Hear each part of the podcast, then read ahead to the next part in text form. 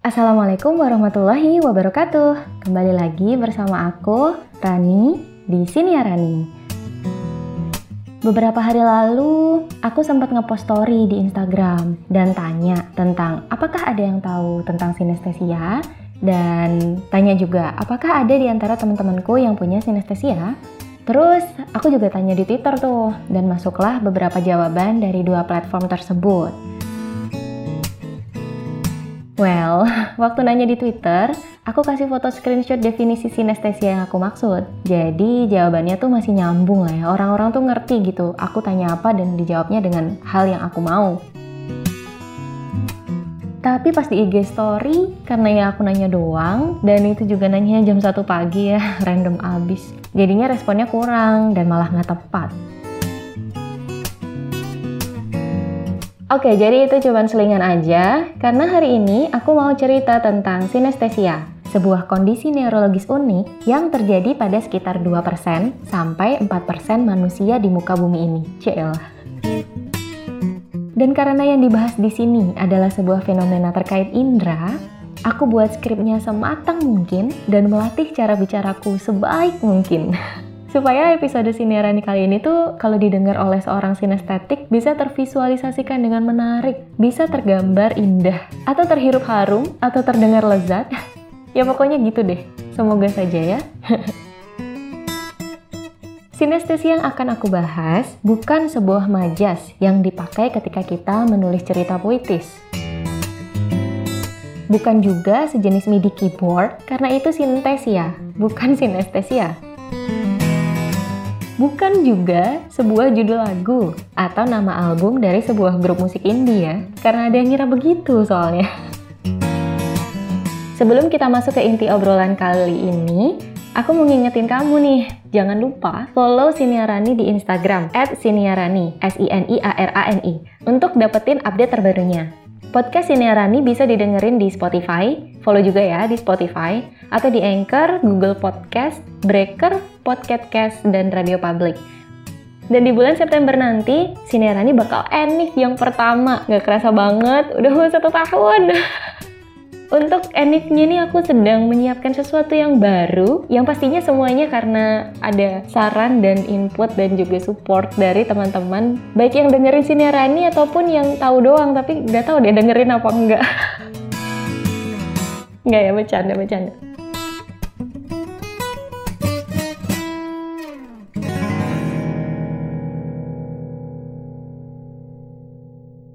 Alright then, kamu udah pernah nonton film Ratatouille?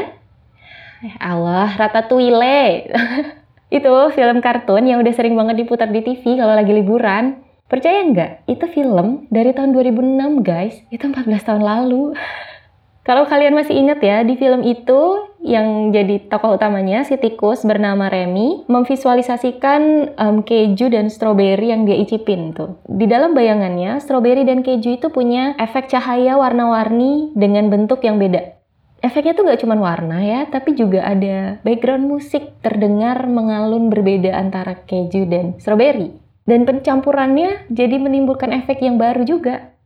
Begitulah kurang lebih gambaran apa yang terjadi pada seseorang yang memiliki sinestesia. Sinestesia sendiri berasal dari bahasa Yunani, terdiri dari dua kata synth yang berarti bersama dan ethesia yang berarti persepsi. Seseorang dengan sinestesia disebut sinestif atau dalam bahasa Indonesia diterjemahkan sebagai sinestetik. Menurut headline.com, sinestesia adalah kondisi neurologis di mana informasi yang bertujuan untuk merangsang salah satu indera justru menstimulasi lebih dari satu indera. Seperti yang kita tahu nih, kita kan punya lima indera. Ada penglihatan, penciuman, pendengaran, pengecap atau e, lidah untuk merasa merasakan makanan, dan rangsangan tubuh atau sentuhan. Nah, dari dari lima indera itu aja ya, kalau kita kombinasikan, kita bisa nemuin kombinasi yang banyak. Bisa gabungan dari dua indera, misalnya yang paling umum itu penglihatan dan pendengaran. Atau bisa penglihatan dan penglihatan juga. Atau bisa penciuman dan um, pendengaran. Atau bisa juga rangsang tubuh dan pendengaran. Bisa juga kombinasi dari tiga indera sekaligus. Atau lebih jauh lagi dan lebih spesifik lagi, ada gambaran-gambaran khusus yang terjadi hanya di beberapa orang aja. Kombinasi sinestesia yang teridentifikasi itu sekitar 60 sampai 80 subtipe. Wah, banyak banget kan? Kalau kata Wikipedia, sinestesia yang paling umum adalah grapheme color sinestesia, yaitu munculnya persepsi atau efek warna ketika seseorang melihat huruf atau angka. Masing-masing angka memunculkan kesan warna yang beda-beda. Kombinasi angka pun tergambar sebagai perpaduan dari warna masing-masing angka penyusunnya. Jadi simpelnya, mereka tidak sekedar melihat angka sebagai angka, nggak sekedar melihat huruf sebagai huruf, nggak sekedar melihat kamu sebagai teman. Cek, kok jadi ke situ ya? Contoh sinestesia lain yang terkenal itu ada auditory tactile sinestesia, yaitu timbulnya sensasi sentuhan di tubuh ketika mendengar suara tertentu. Dan sensasinya tuh spesifik gitu ya, di bagian tubuh tertentu ataupun karena efek dari suara tertentu. Yang ketiga ada chromesthesia, yaitu ketika suara memicu seseorang melihat warna. Aku pernah lihat ya videonya, mereka memvisualisasikan nada yang dimainkan dari suatu alat musik itu memicu warna dengan efek yang beda-beda. Semakin tinggi nada, warnanya muncul di tingkatan yang lebih tinggi atau mungkin dengan efek yang lebih besar. Jadi kayak gitu deh, kayak dalam pandangan mereka tuh ada percikan-percikan atau gambaran-gambaran yang muncul ketika uh, mereka mendengar suatu alunan musik. Selanjutnya ada lexical gustatory synesthesia, yaitu perpaduan antara indera pendengaran dan pengecap. Suatu kata akan menimbulkan rasa tertentu. Asik.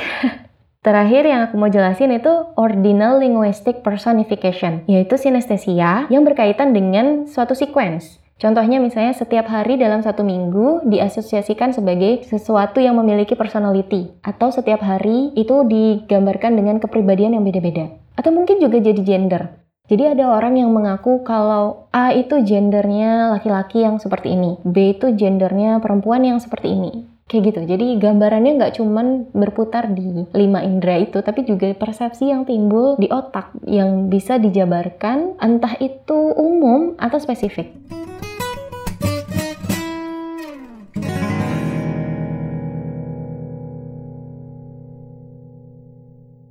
Next, pertanyaan yang pasti timbul pertama kali di benakmu sewaktu mendengar penjelasan ini adalah, masa sih? Masa iya bisa gitu? Kok bisa gitu? Gitu kan? Oke baik, buat kita para magel, buat non sinestetik ya, pastinya perlu penjelasan logis tentang fenomena ini. Ngomong-ngomong, Catatan yang terkenal mengenai sinestesia datang dari tahun 1881, di mana seorang saintis bernama Francis Galton menjelaskan mengenai number form, yaitu munculnya mental map of numbers. Secara otomatis dan tidak disengaja, setiap kali sinestetik itu memikirkan angka. Aku nggak begitu paham sih ini maksudnya mental map of number ini apa, tetapi kalau nggak salah ya, ini maksudnya adalah ketika angka itu disebutkan atau dipikirkan, angka ini muncul dalam bentuk-bentuk geometris tertentu. Meskipun sudah ada di tahun 1881 itu, penelitian mengenai sinestesia baru berkembang di akhir abad 20. Balik lagi ke pertanyaan, kok bisa gitu sih? Teknologi neuroimaging dapat menunjukkan bukti perbedaan aktivitas neurologis seorang sinestetik dan non-sinestetik. Caranya adalah dengan menggunakan diffusion tensor imaging atau DTI, yaitu menggunakan molekul air yang terdifusi untuk melacak substansia alba di beberapa bagian otak kita. Substansia alba ini bagian otak berwarna putih yang merupakan penghantar stimulus. Jadi di otak kita tuh kan ada bagian abu-abu dan bagian putihnya. Yang terjadi pada sinestetik adalah munculnya cross activation atau cross wiring atau jembatan neuron yang menghubungkan beberapa bagian otak yang memproses stimulus sensori yang berbeda. Pada kasus grapheme color synesthesia atau tipe sinestesia yang paling umum, muncul jembatan yang menghubungkan bagian otak yang memproses warna dan bagian otak yang memproses huruf atau angka.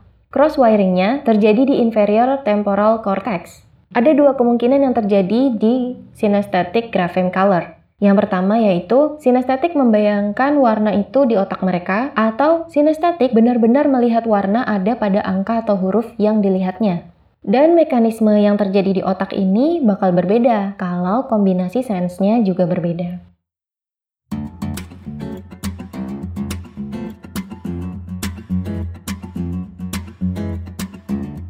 Sinestesia dialami dalam jangka waktu yang panjang. Jadi ini bukan karena pengaruh psychedelic drug ya, misalnya, atau bukan sebuah efek halusinasi karena mungkin terjadi sesuatu, terjadi benturan di otak, atau mungkin kalian mengkonsumsi makanan yang bikin kalian high atau ngefly gitu ya.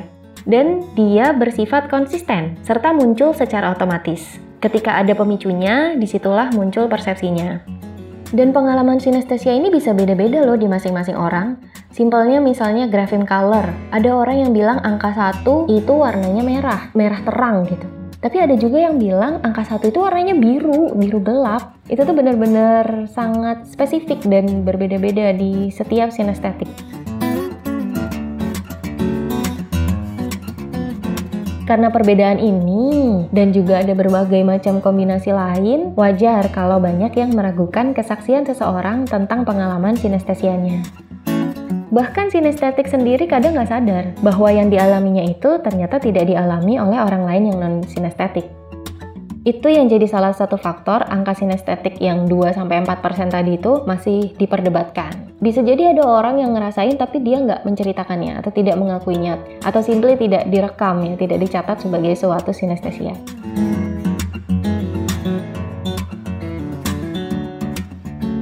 Terus, gimana kita tahu kalau seorang sinestet itu jujur? Gimana kalau dia cuma ngarang cerita aja biar kelihatan keren? Nah, secara saintifik, ada tes yang bisa menjawab pertanyaan ini. Tadi ya, satu yang perlu diingat adalah sinestesia ini long term atau permanen. Tesnya menurut aku simple sih, jadi kita minta seseorang dengan sinestesia, misalnya grapheme color synesthetic, untuk menceritakan warna yang muncul dari angka 1 sampai 10, atau mungkin warna yang muncul ketika mengkombinasikan beberapa angka. Dari hasil tes tersebut dilakukan retest, dilakukan tes kembali dalam rentang waktu yang lama, semisal setahun kemudian nih baru dites lagi, seperti itu. Nah, nanti kita akan tahu apakah hasilnya sama atau enggak. Kalau dia beneran sinestis, bukti kesamaan hasilnya itu bisa mencapai 90%, sedangkan untuk non sinestis hanya sekitar 30 sampai 40%. Next question, apakah sinestesia bisa disebut sebagai kelainan? Hmm, kalau kelainan yang dimaksud adalah kondisi yang tidak bisa diubah atau dalam tanda kutip tidak bisa diobati, ya iya sih kelainan. Tapi aku malah lebih condong untuk menyebut itu sebagai kemampuan ya, skill gitu. It's a gift, kayak suatu keunikan gitu gak sih? Beberapa sinestetik mungkin kesulitan untuk mendeskripsikan apa yang dia alami atau dia rasakan ke orang-orang di sekitarnya yang non-sinestetik. Apalagi kalau tipe sinestetiknya bukan tipe yang umum. Tapi seiring berkembangnya teknologi komunikasi, sekarang sudah ada beberapa komunitas sinestetik di berbagai belahan dunia, seperti American Synesthesia Association, UK Synesthesia Association, German Synesthesia Association, Canadian Synesthesia Association, dan Synesthesia Association lainnya. Di sisi lain, beberapa sinestetik justru memanfaatkan tanda kutip kelainannya ini untuk mendukung aktivitas atau profesinya. Pengalaman sinestetik ini sangat berkaitan dengan profesi seni atau sastra pelukis, penyanyi, musisi, komposer, penulis novel, sutradara. Ada banyak banget contoh orang terkenal yang mengaku memiliki sinestesia atau diduga memiliki sinestesia. Ada Vladimir Nabokov, Olivier Mechon, Duke Ellington, Billy Joel, Brandon Urie, Nikola Tesla, Ramin Djawadi, Kanye West, Pharrell Williams, dan masih banyak lagi. Atau jangan-jangan kamu yang lagi dengerin siniarani punya sinestesia juga? Kamu? Iya, kamu. Apa sih?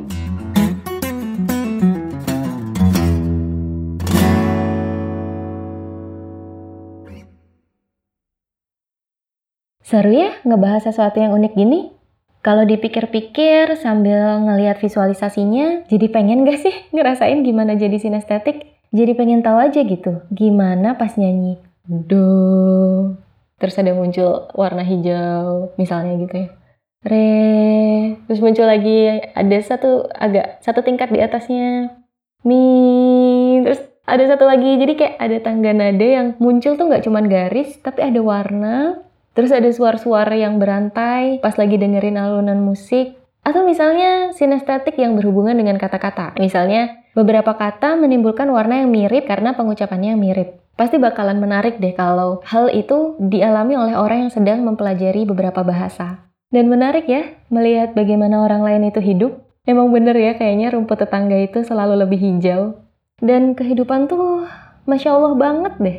Ternyata, apa yang kita tahu tentang kehidupan itu gak seberapa dibandingkan dengan apa yang sebenarnya terhampar di muka bumi ini.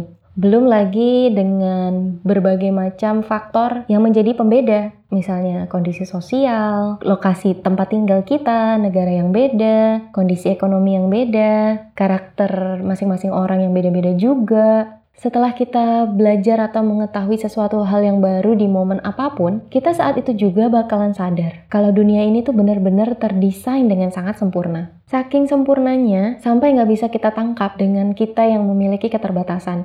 Nggak bisa kita telan semuanya, nggak bisa serta-merta diterima oleh akal pikiran kita, dan apalagi nggak akan berhenti sampai situ gitu. Kadang ketika kita mengetahui sesuatu hal yang baru di waktu tertentu, di masa depan gitu ya, beberapa bulan atau seketika setelahnya, kita bisa memiliki pandangan lain tentang hal itu.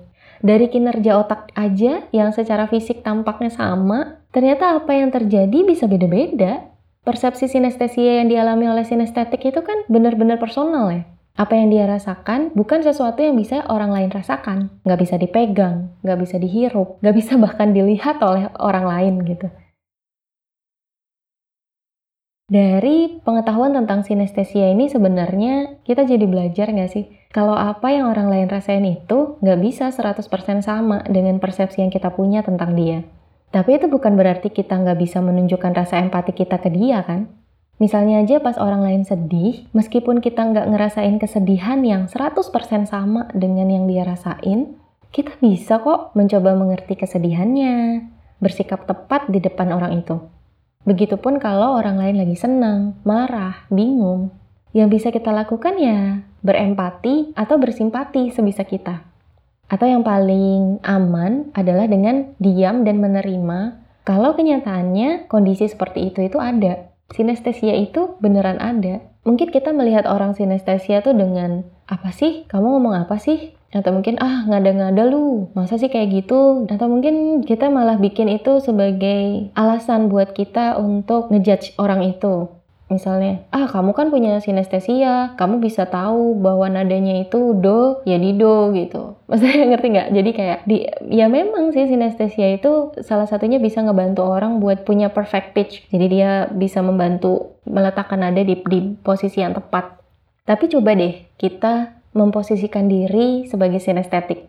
Gantian nih, buat yang non sinestetik, coba bayangin. Gimana rasanya jadi orang yang ngedengerin musik, terus ngerasain geli di perut?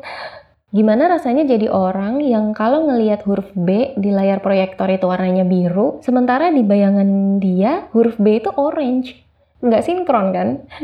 Tapi sensasi itu kadang nggak bisa dijelasin atau percuma kalau dijelasin ke orang yang nggak ngerasain.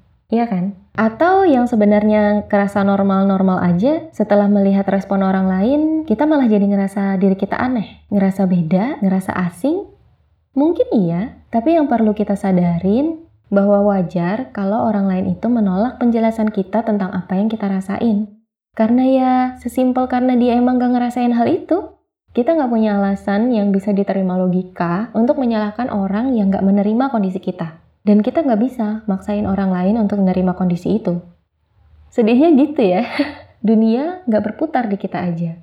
Tapi sisi positifnya, kita itu spesial kok dengan cara kita masing-masing. Pakai telur ataupun gak pakai telur, gado-gado dan ketoprak punya cara masing-masing supaya terasa enak. Cih, apa sih? Jadi ngomongin ketoprak. Uh, Oke, okay. Segitu aja cerita tentang sinestesia. Sekarang ini sih risetnya masih berlangsung dan terus berkembang. Ada neuroscientist yang fokus untuk mempelajari tentang sinestesia. Apakah sinestesia bersifat genetis? Apakah sinestesia bisa diturunkan ke anak cucu? Apakah ada kecenderungan sensasinya lebih kuat terjadi di kelompok gender tertentu? Apakah sinestesia itu bisa timbul ketika kita udah dewasa? Pokoknya masih banyak informasi lain yang bisa diulik tentang sinestesia. Semoga episode kali ini menarik untuk didengerin sampai akhir. Karena belakangan ini aku dialog terus, pas monolog tuh kok rasanya beda ya. Tapi tenang sih, karena ada kamu yang nemenin aku cerita. Ayo, senyum-senyum sendiri. Aku sih ya itu mah. Tungguin episode Siniarani selanjutnya ya. Dan seperti yang sudah aku bilang di awal, follow Siniarani di Instagram, di Spotify, atau di platform mendengarkan podcast favorit kamu karena di sini adalah tempatmu dan tempatku bercerita dan menceritakan banyak hal sederhana di sekitar kita. Sampai jumpa. Wassalamualaikum warahmatullahi wabarakatuh. Oke, bentar. Kesemutan, guys.